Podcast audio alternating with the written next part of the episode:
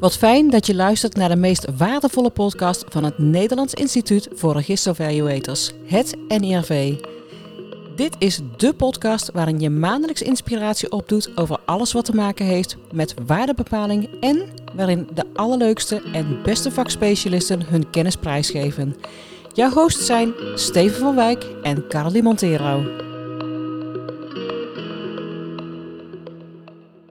Als bedrijfskundige en fiscaal jurist is hij bekend met financiële beslismodellen en waarderingen. Maar in de modellen en processen ontdekte hij dat hij zich liever richt op de mensen zelf. Hoe kun je vanuit verschillende hoeken naar dilemma's kijken? Onze gast is Raymond de Loze. Na een internationale projectcarrière legde hij zich toe op zijn ware passie, de ontwikkeling van mensen. Maar dan anders. Geen theoretische modellen, geen pretenties, geen terminologie, geen quick fixes. Raymond geeft geen standaard antwoorden of doe wat ik zeg lijstjes, maar stelt vragen die je steeds een nieuw perspectief opleveren. Recentelijk verscheen zijn boek Do It Yourself Guru, hoe je meer uit ontwikkeling haalt. Zoek het lekker zelf uit. Welkom Raymond. Mooi. Ja, dankjewel. Bij de tweede podcast van het NIRV. Hartstikke leuk. Dankjewel voor de uitnodiging. Ja, heel graag gedaan. Wat Ja. is de reden dat je dit boek hebt geschreven? Ehm, de reden dat ik het boek heb geschreven is eigenlijk... eh, het, is een beetje als schijntje begonnen. Ik had op een gegeven moment... eh, merkte ik dat als ik vaker over onderwerpen praat die ik veel tegenkom... zoals bijvoorbeeld patronen, dat, daar, daar zijn we allemaal mee, eh, mee afgevuld... of confrontaties is iets wat heel veel voorkomt... ik merkte dat ik dan vaker dezelfde woorden ga kiezen. En soms zelfs dezelfde voorbeelden en dezelfde grapjes maak. Gewoon omdat ik dan merk dat dat, dat, dat goed landt, dat dat goed overkomt. En toen had ik op een gegeven moment drie keer in een week dat iemand zei: Ja, dat wat je nu zegt, dat herken ik wel. En dat zeg je wel mooi. Het was net aan het begin van de corona. Dus ik dacht: Dat zeg je wel mooi. Ik ga blogjes schrijven. En dan ga ik gewoon opschrijven hoe ik dat zeg. En dan ga ik daar blogjes over maken. Want ja, eh, eh, er gingen best wel dingen on hold eh, aan het begin. Dus ik dacht, nou dan kan ik dat zo doen. Dus ik begon te typen met acceptatie en nieuwsgierigheid. De eerste onderwerpen van het, van het boek.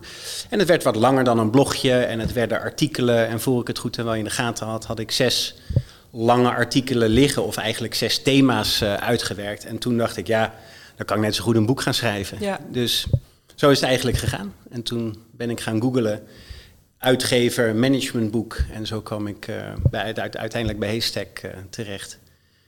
En dat, dat is het boek geworden. Ja, nog even misschien leuk voor de luisteraars om te weten. Eh, Raymond die, die looft drie boeken uit. Zeker. Aan de luisteraars die, ja, die het eerst een berichtje sturen naar het NIRV... en die deze podcast dus helemaal hebben uitgeluisterd. Want aan het einde van, de, van deze podcast gaan we pas vertellen... hoe dat je, deze, eh, hoe dat je de- een boek kunt winnen. Dat is heel slim. Ehm, nee, wat, wat mij wel fascineert is ehm, nou ja, je achtergrond, eh, je jurist, Ja. eh, bedrijfskundige. Ja. En toch neem je een stap om eh, meer richting coaching te gaan en, eh, en Ja. inderdaad zo'n boek te gaan schrijven.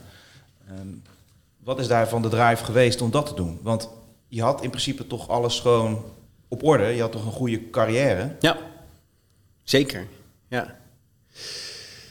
Het is, ik, ik, ik heb me heel lang bezig gehouden met de, zeg maar de harde kant van organisatieverandering, noem ik het maar even. De, de, de modellen, processen, structuren, policies vanuit mijn achtergrond als, als, als fiscalist Ook en bedrijfskundige. Heb je ook waarderingen gedaan? Ik heb ze heel vaak zien langskomen. Ja. Ik, ik, ik ben zelf geen waarderingsspecialist, maar in, in de context van mijn werk eh, ja, eh, heb ik ze vaak gezien. Eh, was vaak relevant. Ik heb zelf wel eh, financiële beslismodellen gebouwd, maar geen, niet, niet echt waardering. Dat is echt weer een, eh, echt een vak op zichzelf en dat weet ik. Dus dat, eh, ja. dus dat niet. Ehm, Even denken, waar, waar, ik op een gegeven moment voor mezelf tegenaan liep, dan was ik een jaar lang heel druk geweest met, eh, met een project. En eh, superleuk allemaal, was altijd complex, altijd met leuke mensen, altijd eh, grote belangen. Eh, dus dat was prima, maar dan aan het einde van het jaar dacht ik van ja, dan is nu de fiscale risicopositie van multinational X misschien iets beter. En ik realiseerde eigenlijk steeds meer dat dat uiteindelijk gewoon niet is wat mij drijft. Ik heb liever gewoon betekenis voor mensen dan voor een structuur of een model. Dus die, die driver vanuit mezelf hè, en, en de vraag van ja, heb ik enig nut op deze wereld? Uh, ik dacht dat ik dat gewoon meer kon vinden door me hierop te richten dan uh, in, in, in het fiscale werkvak uh, of, of, of, of, het herstructureringswerk dat ik, dat ik deed. Dus dat was één kant van, van de overweging. En aan de andere kant heb ik ook in al die jaren ben ik steeds meer tot de overtuiging gekomen dat het daar uiteindelijk om gaat. Is nooit een project waar ik verantwoordelijk voor was mislukt omdat we het model niet rondkregen. Dat kan best lang duren en het kan heel complex zijn en heel ingewikkeld en met informatie en klopt het wel en klopt het niet. Nou, maar je komt er wel uit. Zo niet, dan toch.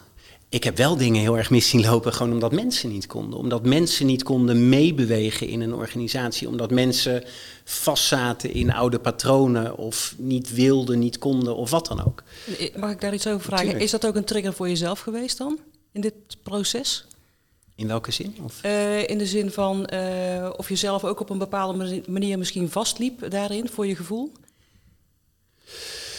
Um, interessante vraag. Uh, ik, ik, had, ik niet zozeer het gevoel dat ik, dat ik daar echt in, in vastliep. Ik vond wel dat de sfeer omtrent dat soort projecten werd niet positiever. Hè, met, met de hele veranderende regelgeving en de, toch wel negatieve publiciteit voor, voor fiscale structuren, wat daar ook verder van zei.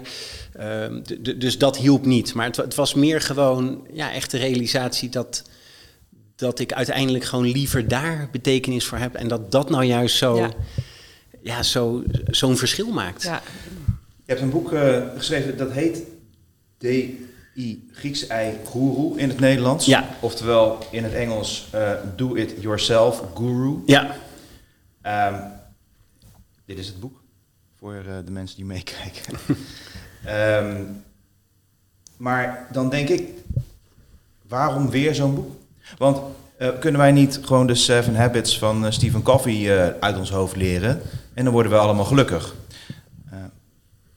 waarom dit boek? En wat maakt dit boek nou anders dan al die andere ja. boeken? Ja. Nou, eigenlijk zeg je denk ik al heel mooi in je, uh, uh, in je vraagstelling. Van als we dat gewoon uit ons hoofd leren, dan, dan worden we toch gelukkig. Dat is wel een beetje de vibe die ik zelf wel vaak gekregen heb bij, bij dit soort boeken, bij boeken over persoonlijke ontwikkeling. Hè, waarbij je als auteur zegt van nou, ga maar even goed zitten en maak aantekeningen. Dan ga ik jou vertellen wat je moet doen.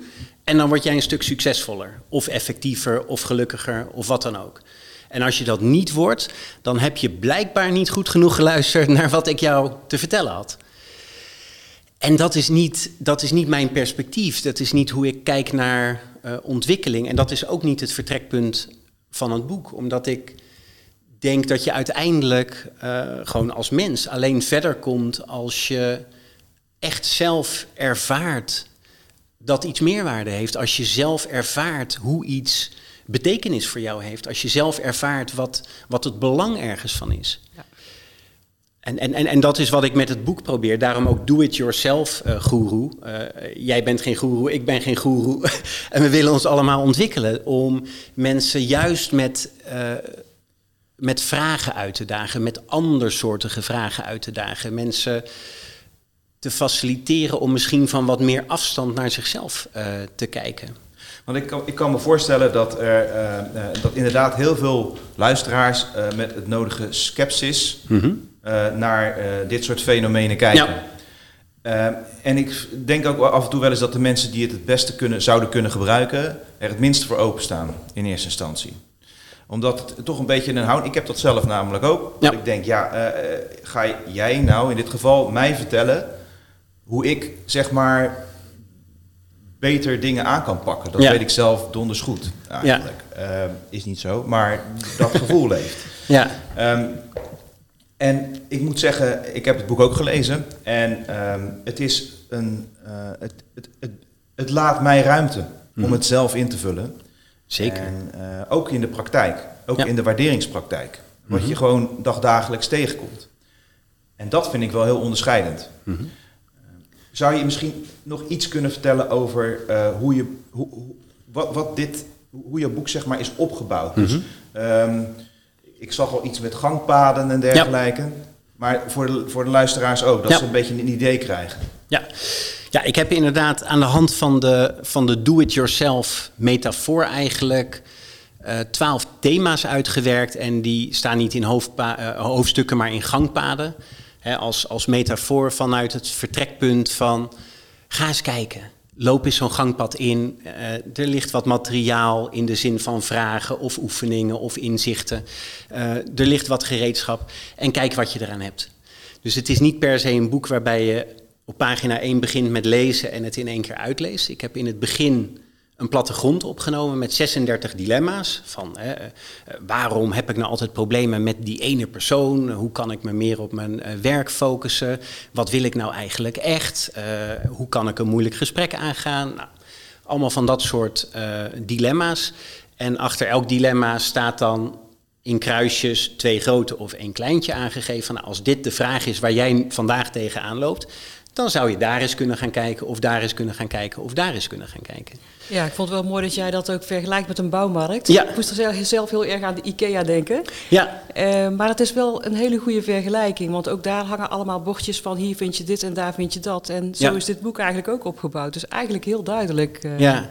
Maar zouden we voor de, voor de, voor de, voor de ik, ik ben zo benieuwd van, zouden wij nu in deze setting eens een keer een, een voorbeeld eh, situatie kunnen doen, waarbij je aanhaakt hoe het boek daarmee omgaat? Welke situatie zou Nou je het over willen hebben? eh, in ons, Waar loop je eh, tegenaan? Ja, dat kan, kan iets van ons samen zijn, van Caroline en ik, eh, in de zin van een vergadering bijvoorbeeld, van het NIRV. Maar het kan ook iets in de waarderingspraktijk zijn. Ehm, Ja, of, of stel dat je altijd met een bepaalde persoon eh, ja, een bepaald probleem hebt. de, de bekende rode lap, zal ik maar zeggen. Ja. Hoe pak je dat dan aan? Als je telkens tegen bepaalde problemen aanloopt met dezelfde persoon. Dan denk je van ja, Ja. waar ligt dat nou aan? Hè? Nou, zullen we dat iets concreter nog maken? Bijvoorbeeld ehm, eh, met een collega in een waarderingspraktijk. Mhm. Je Ja. werkt daarmee samen, of je hebt een groep van vijf, ik noem maar wat, en er is er één. Waar, je- ja, die, dat, dat trek je echt niet. Dat iedere keer is er weer wat. Mhm. Ja, eh, dan vraag je iets en dan gebeurt er niks. Of eh, er is altijd irritatie. Maar ja, hoe ga je daar dan mee om? Ja, Zou dat een voorbeeld kunnen zijn? zeker. Oké. Een Nee, nee, een nee. fictief voorbeeld van... Nee, nee, nee. Laten we het alsjeblieft allemaal fictief houden eh, in dit Waarom? geval. Nou, dat- ja, ja, goed. Want wie weet wat hierna nog allemaal voor voorbeelden ja, komen. nee, dat, eh, Eh, misschien gaan we wel richting privésfeer. Ja. En dan eh, hou ik het liever neutraal. dat kan ook. Eh, dus nee. Nou, het? het is wel interessant. Ik heb ook in het boek een aantal keren genoemd. Kijk, met heel veel problemen is het probleem dat je vandaag hebt, is niet je allergrootste zorg. In die zin dat eh, als je het bijvoorbeeld hebt over een relatie die moeizaam loopt met een, met een collega, met een vriend of wat dan ook. ehm, dan, dan hoeft het niet per se je allerbelangrijkste relatie of je allergrootste probleem te zijn. Interessanter is om te kijken naar hoe je dat probleem aanvliegt en hoe je daar uiteindelijk succesvol mee om kan gaan. Dus eh, ook als ik kijk naar voorbeelden die je kunt inbrengen, maakt het niet zo heel veel uit of het dan je allergrootste uitdaging is of een wat kleinere uitdaging met misschien een collega iets wat, wat, wat een beetje schuurt of wat klem zit, omdat de manier van het benaderen is uiteindelijk veel belangrijker dan het antwoord op het probleem van vandaag. Nou, laat, laat, laat gewoon als voorbeeld. Ja. Want, eh, dat is misschien wel, wel grappig. In je boek eh, heb je als voorbeeld een situatie waarin eh, mensen in een bedrijf werken en eh, een persoon eh, een verwachting heeft dat hij of zij wordt gepromoveerd. Mhm. Ja, Of een kans heeft om te promoveren. ja, Ehm, en een collega wordt naar voren geschoven. Ja. En dat vindt die persoon compleet onterecht. Want in zijn of haar perceptie had hij of zij die kans moeten krijgen. Ja. En begrijpt gewoon niet waarom die andere, die totaal niet daarvoor geschikt is, wel naar voren wordt geschoven door Ja. de baas. ja, Nou, vanuit het perspectief van die persoon die niet gepromoveerd wordt. ja, Je, je, je zit in die setting. Hoe Ja. ga je daar dan mee om? ja, ja. Het, het, het voorbeeld ehm, waar je naar in het voorbeeld in het boek overigens is het iemand die van buiten wordt aangetrokken eh, en, en niet een andere collega. Eh, maakt verder niet zo heel veel uit. Ik, ik, ik heb dat voorbeeld eh, gebruikt om te laten zien hoe je op verschillende momenten heel anders naar dezelfde situatie kunt kijken. En hoe je een heel ander gevoel kunt hebben bij hoe iets is. want deze persoon heeft een baan, dit, eh, in dit voorbeeld. Uh, die heeft daar bepaalde rollen en verantwoordelijkheden bij. En die heeft dan de verwachting dat hij een promotie gaat krijgen, mhm. of zij. Uh, en dat, dat materialiseert uiteindelijk niet. En het kan zijn dat die persoon al met familie of met vrienden gedeeld heeft van nou, ik denk dat ik wel een goede kans maak. Of het, het, kan zijn dat iemand voor zichzelf al een beeld in zijn hoofd gecreëerd heeft van hoe je wereld er dan uitziet met die nieuwe verantwoordelijkheden. Misschien jobtitle als dat voor iemand belangrijk is. Misschien een hoger salaris wat je er allemaal mee zou kunnen doen. En dat gebeurt dan niet. En dan is het heel goed voorstelbaar dat die persoon op dat moment een veel minder goed gevoel heeft bij de baan die hij op dat moment heeft, dan voor die verwachting. Waarbij het perspectief dan is van wat is het nou dat je situatie is helemaal niet veranderd. Nee, het enige wat veranderd is, is dat je er een ander droombeeld bij ontwikkeld had. Want dat is ook wat je volgens mij uh, omschrijft, is dat je moet accepteren wat er nu is. Dat is de realiteit. Ja. En je kan wel verwachtingen hebben of je kan teruggrijpen op mooie herinneringen van vroeger. Ja. Maar dat verandert per definitie niks aan nu, aan de, aan de realiteit nu. Nee. En het enige wat je eigenlijk kan doen, in welke omstandigheid je ook zit, ja. is accepteren dat wat is, dat dat ook nu is. Dat sowieso, ja. En dat dat je startpunt is. Nou, absoluut. En dat, dat, dat, dat, dat gaat om acceptatie, dat is gangpad 1. Hè, omdat we wel vaak de neiging hebben om de, de, de realiteit zoals die is, niet per se te nemen zoals die is, maar te vergelijken met wat we verwacht hadden. Of wat we misschien gehoopt hadden. Ehm, en dat, dat kan allemaal zo zijn, maar uiteindelijk verandert dat niks aan hoe het nu is. Als je heel erg baalt van een bepaalde situatie, je, je hebt uh, informatie voor een waardering niet gekregen en je had een mailtje gestuurd naar een klant en je had informatie moeten krijgen en je hebt het niet gekregen. Dan, dan kun je daarvan balen, dan kun je dat super irritant vinden, maar je hebt het nu niet. En dus de vraag blijft dan, de, de situatie is nu dat je die informatie niet hebt. Nou, dat is nu je vertrekpunt. En vervolgens is de vraag van, oké, wat, wat kun je dan nu doen? Wat zijn je opties? Want met het balen van dat, het, dat de informatie er niet is, daarmee is niet ineens langs miraculeuze weg dat de informatie er ineens wel is. Nee, dus het is... En je zou je ook kunnen afvragen, wat maakt nou dat je daar zo, zo van baalt? Dus jij omschrijft iets uh, in je boek over dat je vanuit de derde persoon naar jezelf gaat ja. kijken. En vanuit dat perspectief zou je dan ook naar jezelf kunnen kijken, misschien van wat maakt nou dat jij dat zo jammer vindt? Dat, dat, dat kan inderdaad ook. Uh, waarbij overigens denk ik ook, we, we zijn misschien wel vaak geneigd om te willen begrijpen waarom iets is zoals het is. En in bepaalde gevallen kan dat heel sterk zijn. En je hebt het ook niet altijd nodig. Hè? Als je het nu hebt uh, over bijvoorbeeld de acceptatie, uh, dan verandert of zich wat het dan in jou is dat daar zo van baalt of wat dat vervelend vindt, verandert nog steeds niet zoveel aan dat het zo is en dat nu de vraag is, wat ga je doen? Ga je die klant bellen? Ga je je rapport later maken? Ga je het afmaken met wat je nu hebt? Of weet ik het wat? En je hebt een beperkt aantal opties. Ja.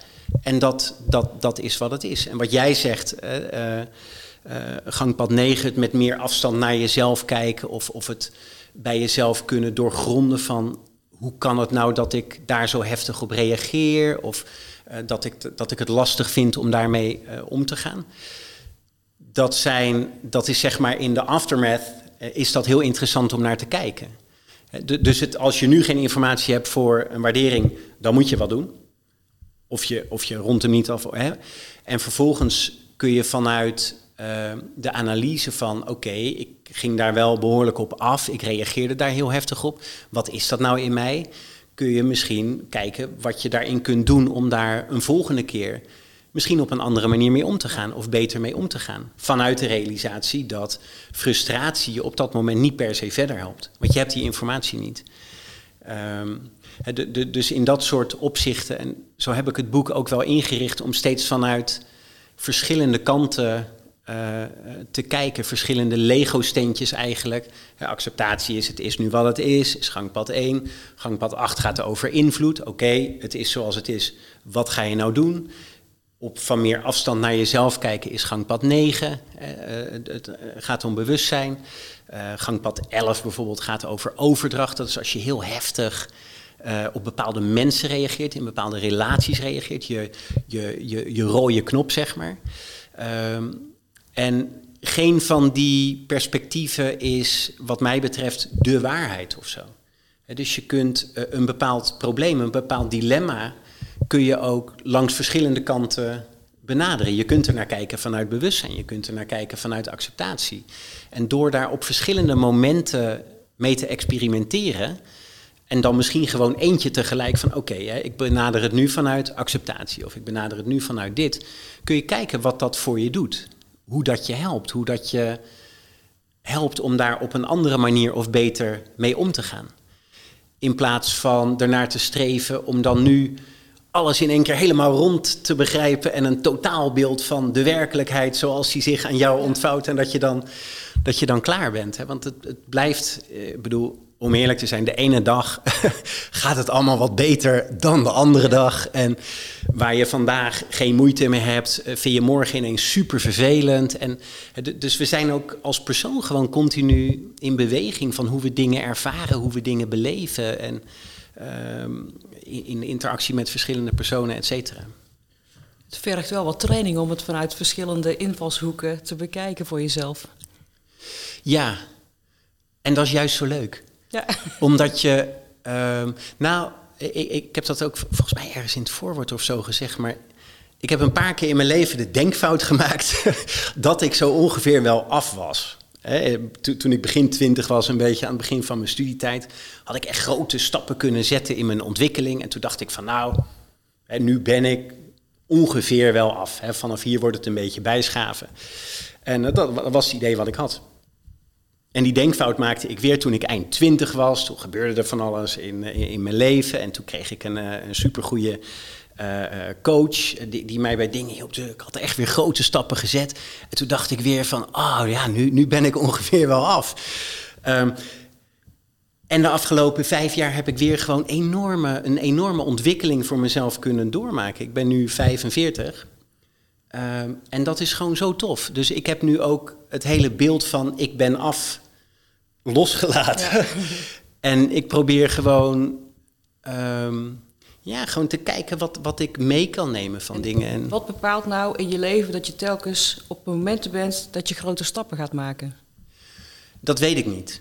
Dat weet ik niet. Ik vind, ik, ik, ik, heb er, ik, ik vind het een goede vraag. Ik heb er ook over nagedacht. Uh, ik heb gemerkt dat bij mij dat ik het meest, dat ik de grootste stappen gezet heb in hectische tijden. Dat er grote veranderingen waren in mijn zakelijk leven en grote veranderingen waren in mijn privéleven. Die vielen altijd samen. Is dat toeval? Nou, wie het weet mag het zeggen. Ehm, maar dat is me wel opgevallen. Dus in roerige tijden haalde ik het meest uh, eruit. Ehm, maar wat nou oorzaak is en wat nou gevolg is, dat weet ik niet. En mijn voorlopige conclusie is, het maakt ook niet zo heel veel uit. Want ehm, weet je, de, de, ene keer dan experimenteer je met iets. Dan denk je, oké, als ik dat net even zo doe, is net even wat handiger. Ga ik onthouden. En de andere keer heb je een inzicht dat je denkt van, wow, als ik dit eerder had geweten, dan had ik misschien dingen heel anders gedaan. Eh, en dat, dat kunnen ook heel simpele inzichten zijn die je dan ineens het grote gevolgen hebben gewoon in, in, in hoe je naar jezelf kijkt, hoe je naar de wereld kijkt. Dus dat, dat is in die zin ook niet helemaal te voorspellen. Ja. Het is concreter. Ik wil, ik wil een probleem neerleggen, hypothetisch probleem, hmm. voor mij in, in, ieder geval hypothetisch, nu. Mhm. Ehm, en ik wil eigenlijk kijken of jij mij dan vanuit uit die situatie kan redden of zo. Even heel zo concreet mhm. mogelijk, als het kan. Mhm. Ehm, ik maak een waardering. En uh, terecht of niet terecht, maar ik krijg een terugklacht. Mm Heftig. Ja, zeker. Uh, en uh, nou, ervan uitgaande dat je nog nooit een terugklacht hebt gekregen. Mm Brief van een advocaat of zo komt, komt binnen of NIV neemt contact op en zegt er is een terugklacht binnengekomen.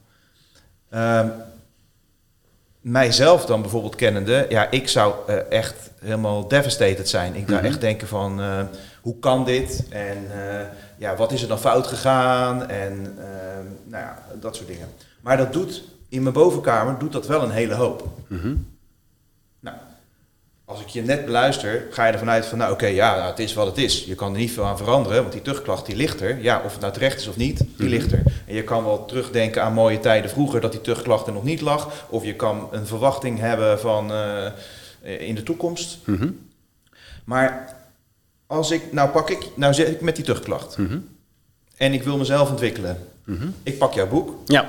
Hè, ik ga naar de, naar de bouwmarkt en ik heb eh, twaalf gangpaden tot mijn beschikking. Ja. Wat ga ik doen? Eerste vraag is natuurlijk, wat is precies jouw vraag op dit moment? Hè? Want de, ehm, wat je zegt, de tuchtklacht ligt er. Hè, En, en acceptatie gaat er niet over dat je er blij mee bent. Nee, maar ik heb slapeloze nachten, Ja. eh, Raymond. Ik heb slapeloze nachten. Ik heb eh, hyperventilatie. Mhm. Het doet gewoon een hele hoop. Mijn, mijn- ik ben niet de vrolijkste in mijn relatie. Ja. Mijn kinderen lijden eronder. Eh, ik, heb, ik zie geen toekomst meer. Ja, je bedoelt dat het blijft rondtollen in je Het hoofd? blijft rondtollen in mijn hoofd. Ehm, ik denk bij mezelf van ja, moet ik misschien een ander werk gaan doen? Mhm. Ehm, hoe ga ik hieruit komen überhaupt? Mhm. Ik heb Ja. geen idee misschien eh, dat het helemaal niet in de werkelijkheid zo functioneert, maar stel je voor. Dan neem ik jouw case even en dan ga ik eh, eh, een aantal gangpaden even Ja, versneld zeg maar aflopen. Oké, gangpad 1, acceptatie. De tuchtklacht ligt er, eh, ook al ben je er niet blij mee. eh, dus daar zul je wat mee.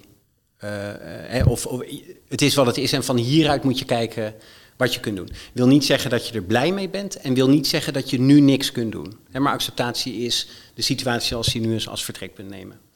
Acht gaat over invloed. Gaat over de vraag, wat kun je nu doen?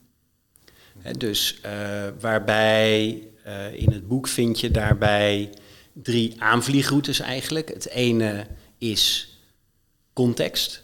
Dus dat is alles met ja, maar ze hadden ook eerder dat door moeten sturen of iets wel of niet moeten doen of onder de huidige marktomstandigheden of weet ik de processen of die eh, te streng zijn of niet kloppen of vervelend of last. Het is allemaal waar en het is allemaal context. En wat jij nu kunt doen aan dit probleem, dat heeft niet per se iets te maken met de context. Dus de context is relevant voor het bepalen van wat jij nu gaat doen. En het heeft eh, betekenis in die zin op het moment dat je het vertaalt naar iets eh, wat je gaat doen. Hè. Op het moment dat je alleen maar in de context blijft hangen en dat niet vertaalt naar iets wat je doet, dan helpt het je niet. Hè, dus je hebt context, invloed is wat jij zelf doet. En aan de andere kant van eh, dat driehoekje eigenlijk heb je dan oordeel. Dat is het oordeel over jezelf of het oordeel dat jij denkt dat anderen over jou hebben. Dan kun je denken aan, ah, heb ik ook zo stom kunnen zijn, ik had er ook nooit in mee moeten gaan. Of nou, die klant zal ook wel denken dit of dat. Of wat zullen mijn collega's wel niet denken dat ik een tuchtklacht eh, heb. En ook daarvan hetzelfde als met de context. ehm, het, het is niet irrelevant om na te denken over wat anderen er misschien van vinden. En tot het moment dat je het vertaalt in iets wat jij vandaag doet, of morgen doet, bestaat het alleen in jouw hoofd. Een oordeel zweeft rond in jouw hoofd en houdt je wakker eh, en, en, en doet verder niet zoveel tot het moment dat jij er iets mee doet. Dus een perspectief om bijvoorbeeld heel concreet naar dit geval te kijken is oké, wat voor gedachten heb je, wat voor eh, argumenten, eh, omstandigheden gaan er in je hoofd rond. En maak een indeling tussen wat is nou context, wat is nou oordeel en wat ga ik nou doen. Want uiteindelijk verandert jouw wereld niet door gedachten over de context en niet door gedachten over oordelen. Jouw wereld verandert door dingen die je doet. Dus uiteindelijk moet je terugbrengen naar Ik iets. kan niks doen. Ik kan niks doen. Eh, ik, ik, heb, ik heb nu die brief en ik ben een week verder en ik moet wachten op, weet ik veel, een, eh, een uitspraak. Of eh, er is een rechtszitting op een gegeven moment van de Raad van Tucht. En ondertussen slaap ik niet en ben ik niet te genieten. En eh, ja, denk ik, ik ga een keertje naar buiten toe en Ja. een stukje wandelen of zo om het te vergeten. Maar je zegt, ja, je hebt het oordeel, en je hebt die context en wat je zelf kan doen. Maar ik kan niks zelf doen. Als je nu eh, op een punt zit dat ehm, dat, het, dat alle stukken zijn ingediend en het ligt bij een raad of zo, en je ligt er nog steeds wakker van, dan zou je bijvoorbeeld weer eens in gangpad 9 kunnen gaan kijken. En dat gaat over, uh, over, over bewustzijn. Dus dat gaat eigenlijk om het perspectief dat je probeert te voorkomen dat je wordt meegesleept door je gedachten en je emoties. Ik maak de vergelijking tussen. Uh, hè, want het is, een heftig verhaal wat je vertelt. Hè? Als je, als je zo'n klacht hebt, dat is natuurlijk. Wow, dat is je hele reputatie hangt eraan vast. Uh, hè, dat is enorm heftig. Dus je ervaart dan enorm veel emotie. Hè? Je ervaart dan enorm veel gedachten. En dan kun je de neiging hebben dat die je meeslepen. En dat je weer over bepaalde gedachten van, ah, ik had ook eerder dit of dat wel of niet moeten doen, of had die, die collega of die klant maar wel of niet. En, en dan krijg je gedachten over de gedachten. En uh, daar wordt, dat wordt zo'n soort modderstroom waar je dan in meegesleept wordt. En het perspectief van bewustzijn is eigenlijk het verschil tussen ofwel je staat buiten in de tuin in de regen, in de kou. En je, je voelt de wind om je heen en je staat in de storm en je lichaam is nat en je bent, het, het is aan alle kanten vervelend. Dat is het scenario waarin je laat meeslepen door je gedachten en je emoties van het moment. Ten opzichte van het geval waarin je zeg maar van binnenuit, van achter een glazen schuifbui, jezelf in de tuin ziet staan.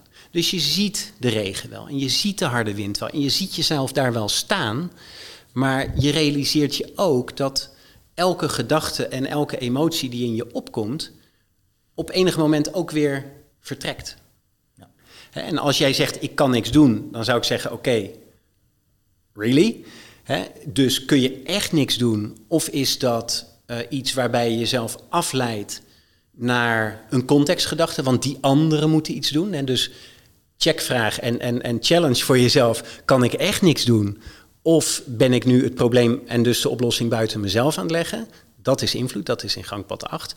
En 9, uh, hè, als, als je merkt dat je gewoon van dat soort dingen wakker ligt en weet ik het wat, dan zoeken naar mogelijkheden om, om dat te laten. Want een gedachte die in je opkomt, die gaat weer weg. En hoe meer jij nadenkt over die gedachten, of hoe meer jij nadenkt over dat, dat rotgevoel, hoe begrijpelijk ook, hè? want ik, ik wil helemaal niet uh, onderschatten hoe, hoe ongelooflijk impactvol dat is.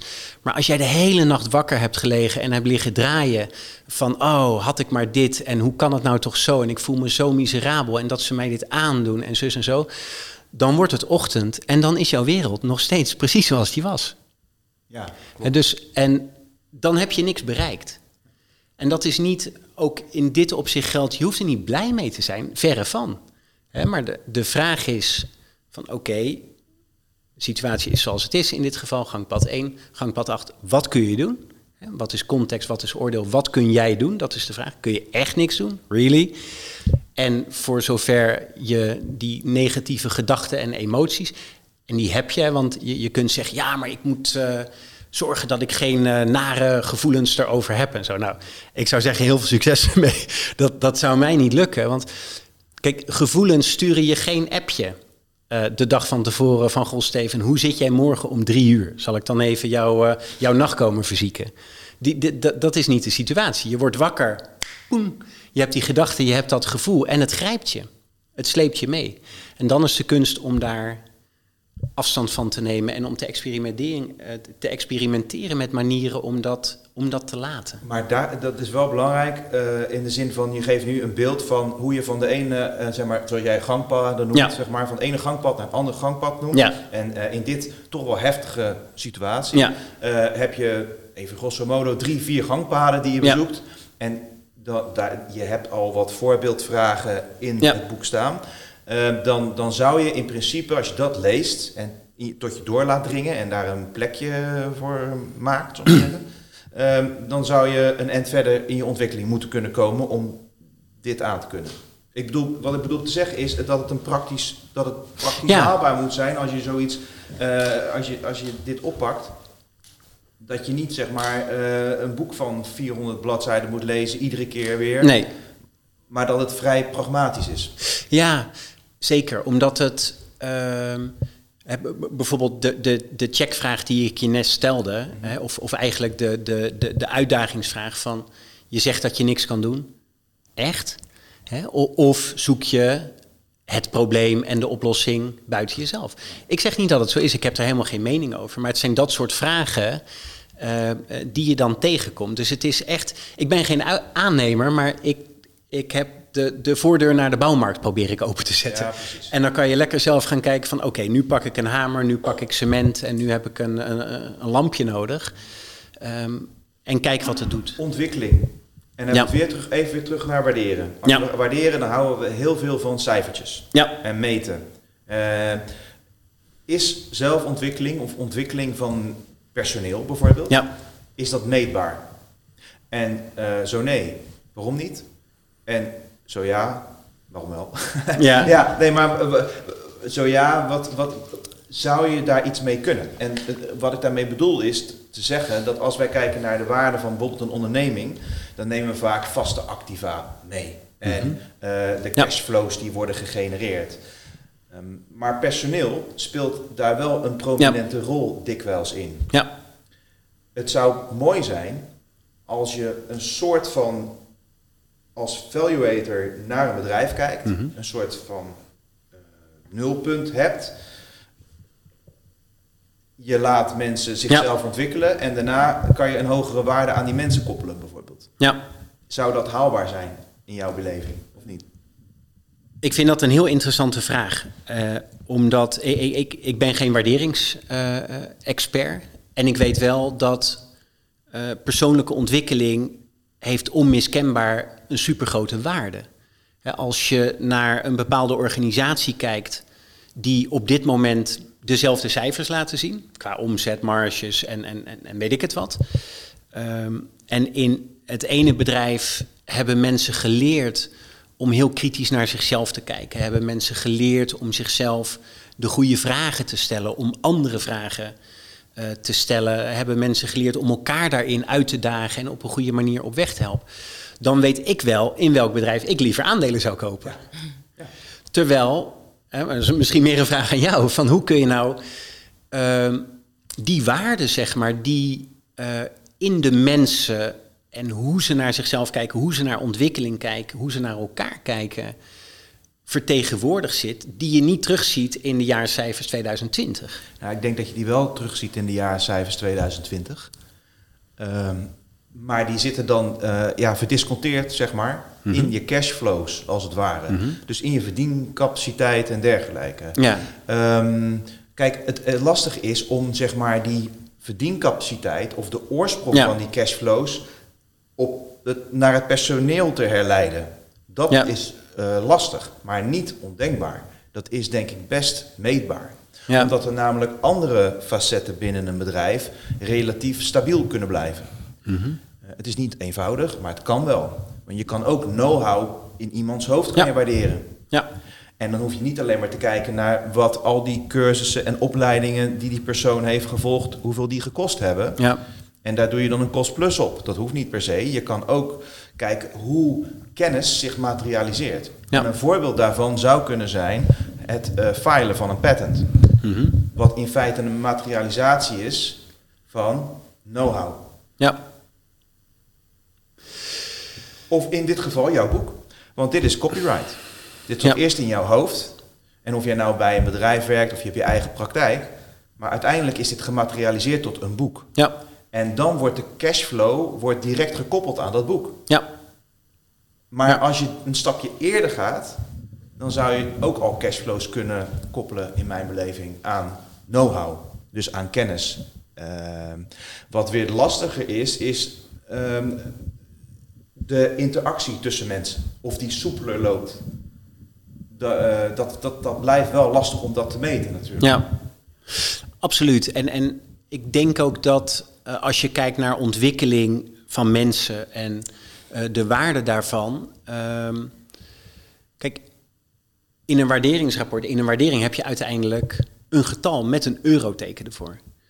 Terwijl als je het hebt over wat, is de waarde van, eh, van een meer soepele samenwerking? Wat is de waarde van het als werkgever bieden van grote ontwikkelmogelijkheden, waarbij je, hè, dat is voor, voor young professionals is dat super relevant, uh, om, om echt talentvolle millennials aan je te binden. Wat, wat, is dat waard? Want die zie je misschien, kijk, op het moment, voor zover je dingen nu terugziet in de cashflow, loopt die mee. Maar wat ik daar ook intrigerend in vind, is in hoeverre je het nog niet terugziet in de cashflow, maar het wel verankerd zit eigenlijk in, de, in, in het potentieel van een organisatie. En dus op een later moment hè, zou je hopen uh, in de cashflow tot uiting uh, zal komen. En dat is, uh, dat, dat, dat is interessant. We, we, het, het boek gaat echt over de inhoud van ontwikkeling. vanuit een ander bedrijf kijken we ook heel nadrukkelijk naar naar data. En dan gaat het over hoe mensen aankijken tegen, tegen het leiderschap, hoe blij ze met dingen zijn, welke problemen ze ervaren, wat het burn-out risico is van mensen, wat de, uh, de, de, vertrekkans is van mensen. En een van de perspectieven die we daar ook in kiezen, en, en dat is gewoon ook een cijfermatige onderbouwing, is wat is de cost of doing nothing? wat we daarin berekenen. Want het allermakkelijkste om aan ontwikkeling te doen, ook vanuit een organisatie bezien, is helemaal niks. dus ik vind dat als uh, niet vaak de beste oplossing denk, maar het is voor het denken wel een heel interessant perspectief, wat mij betreft. Omdat dat een beetje je streep in het zand is. Wat is er nou, wat gebeurt er nou als we helemaal niks doen aan ontwikkeling? Dan staan we waar we staan krijgen misschien mensen burn-outs, dan gaan misschien mensen vertrekken, dan zijn we misschien in bepaalde opzichten niet zo aantrekkelijk voor de arbeidsmarkt. En wat is dan het gevolg? En hoe kun je via investeringen in ontwikkeling die parameters gunstiger maken en, en, en beter maken?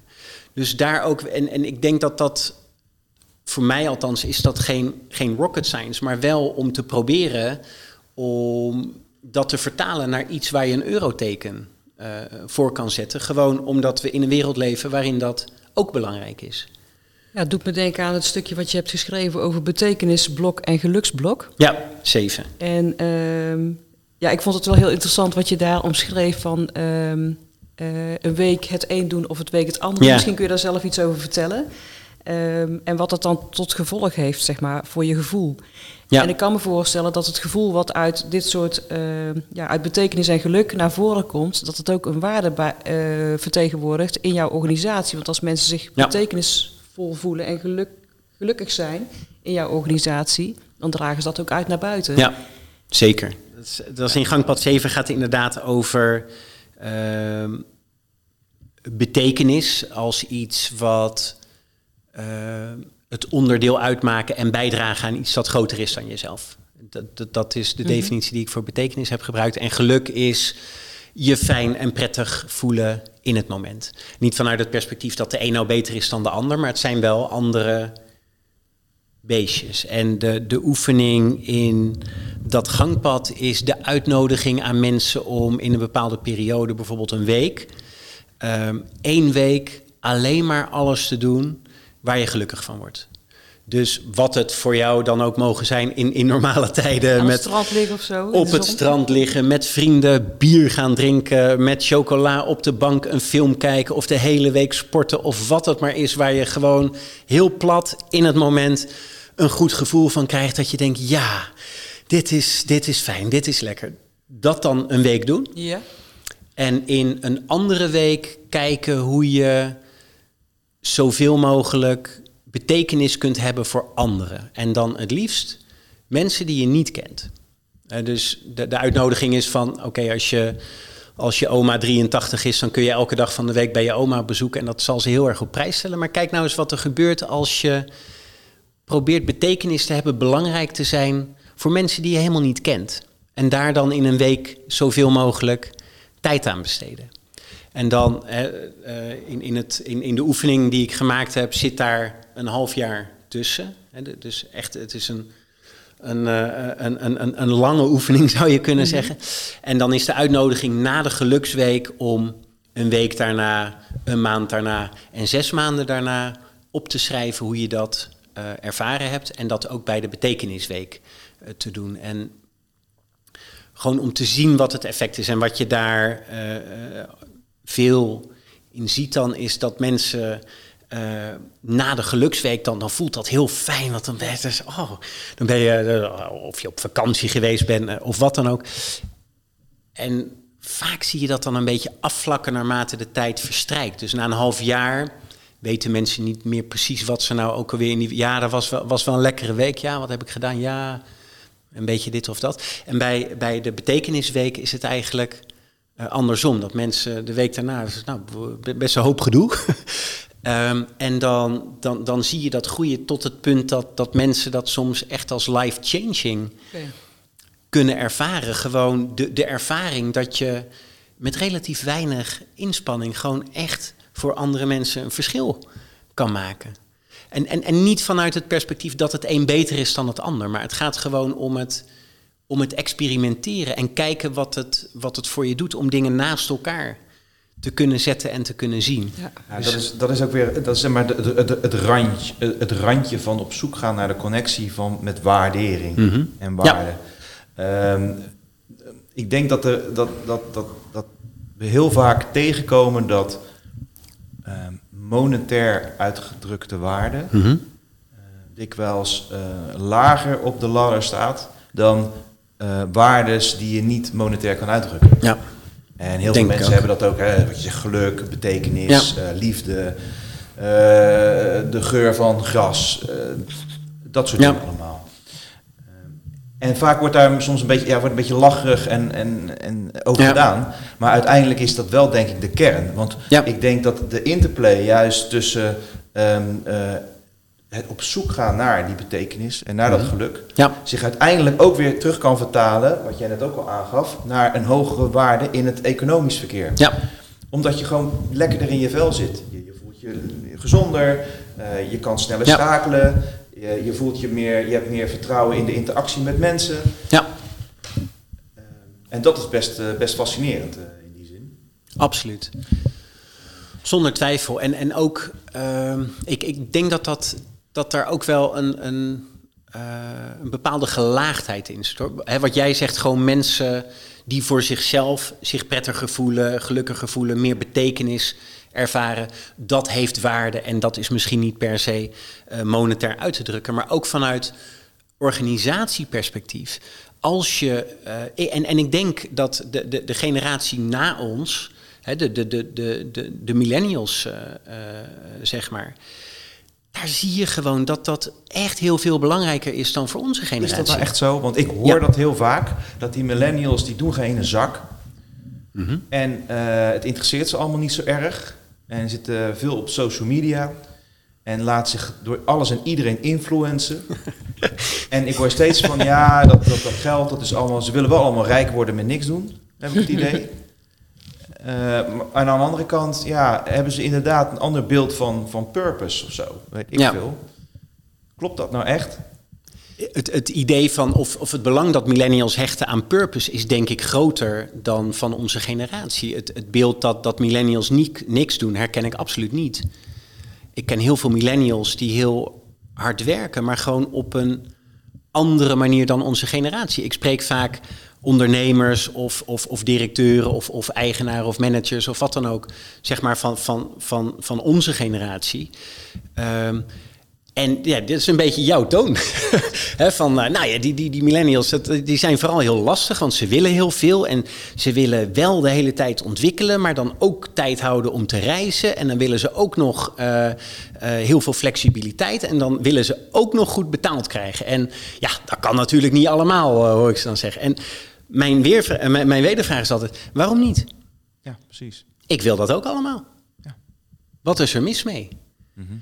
En ik denk, eh, en, en, en wat ik daar vaak ook wel in proef, is, uh, en, en, en sommige mensen zeggen dat ook hardop, is een beetje van ja, ze trekken nog wel bij.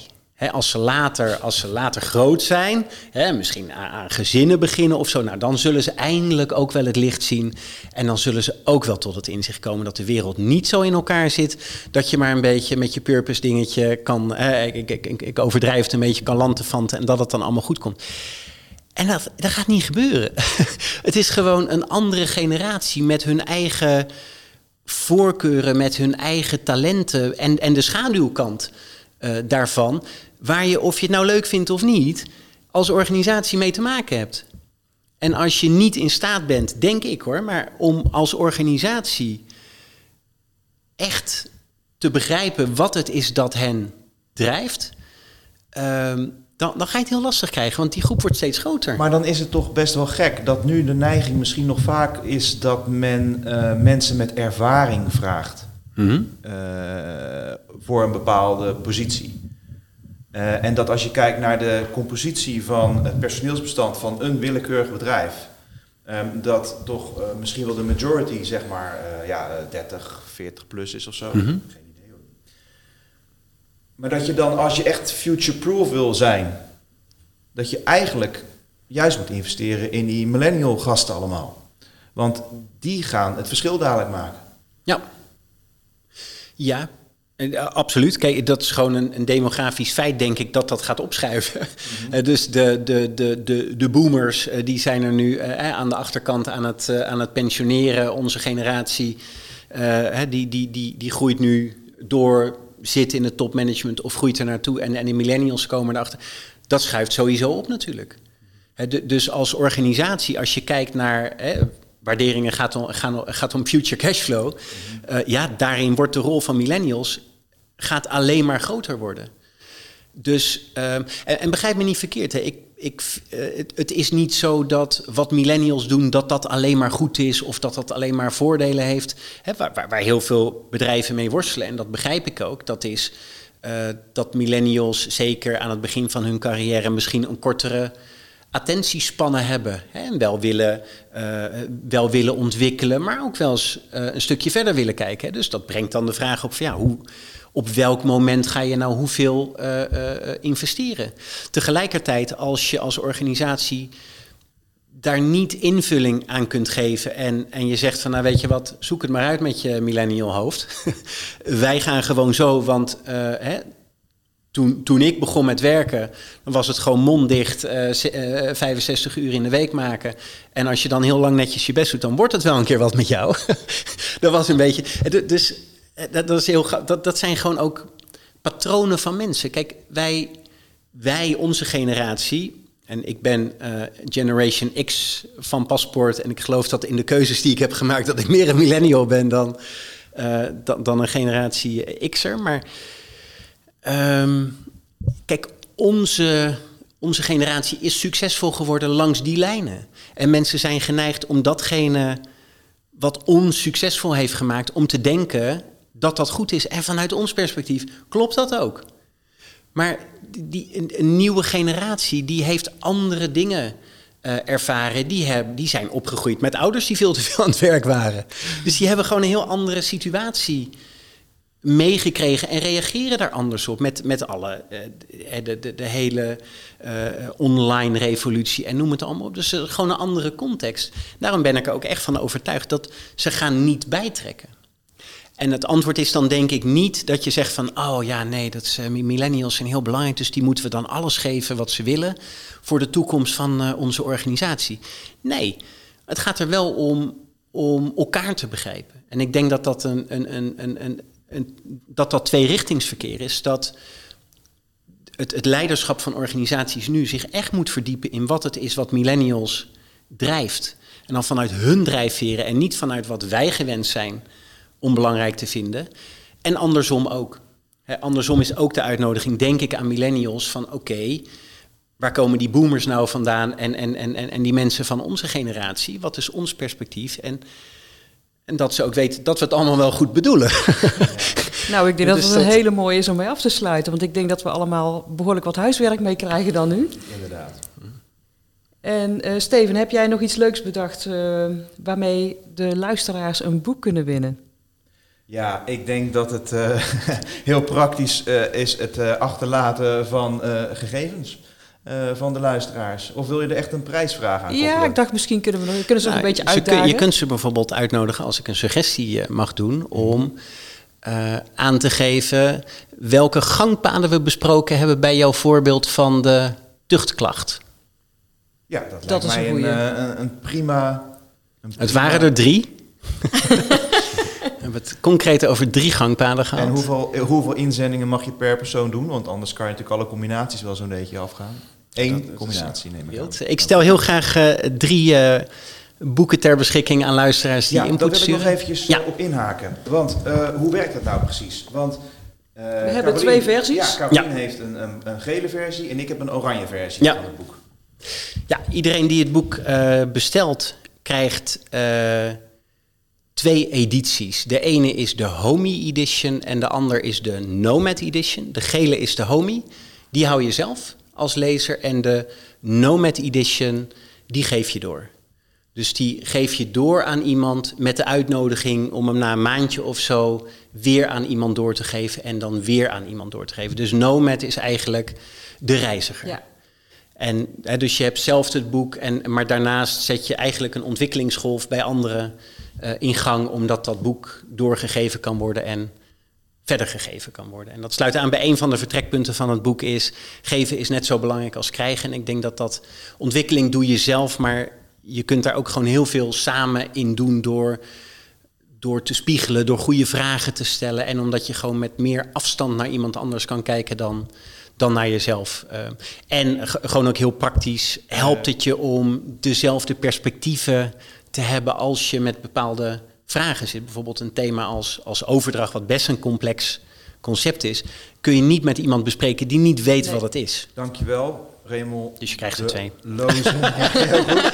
Uh, stel je nou voor dat uh, uh, de, al de luisteraars die het boek, het gratis boek, zeg maar, niet winnen, waar kunnen ze bestellen? Ja, je kunt bestellen op uh, www.doityourselfguru.nl. Daar staat ook een gratis pre-read om uh, te downloaden en staat wat achtergrondinformatie.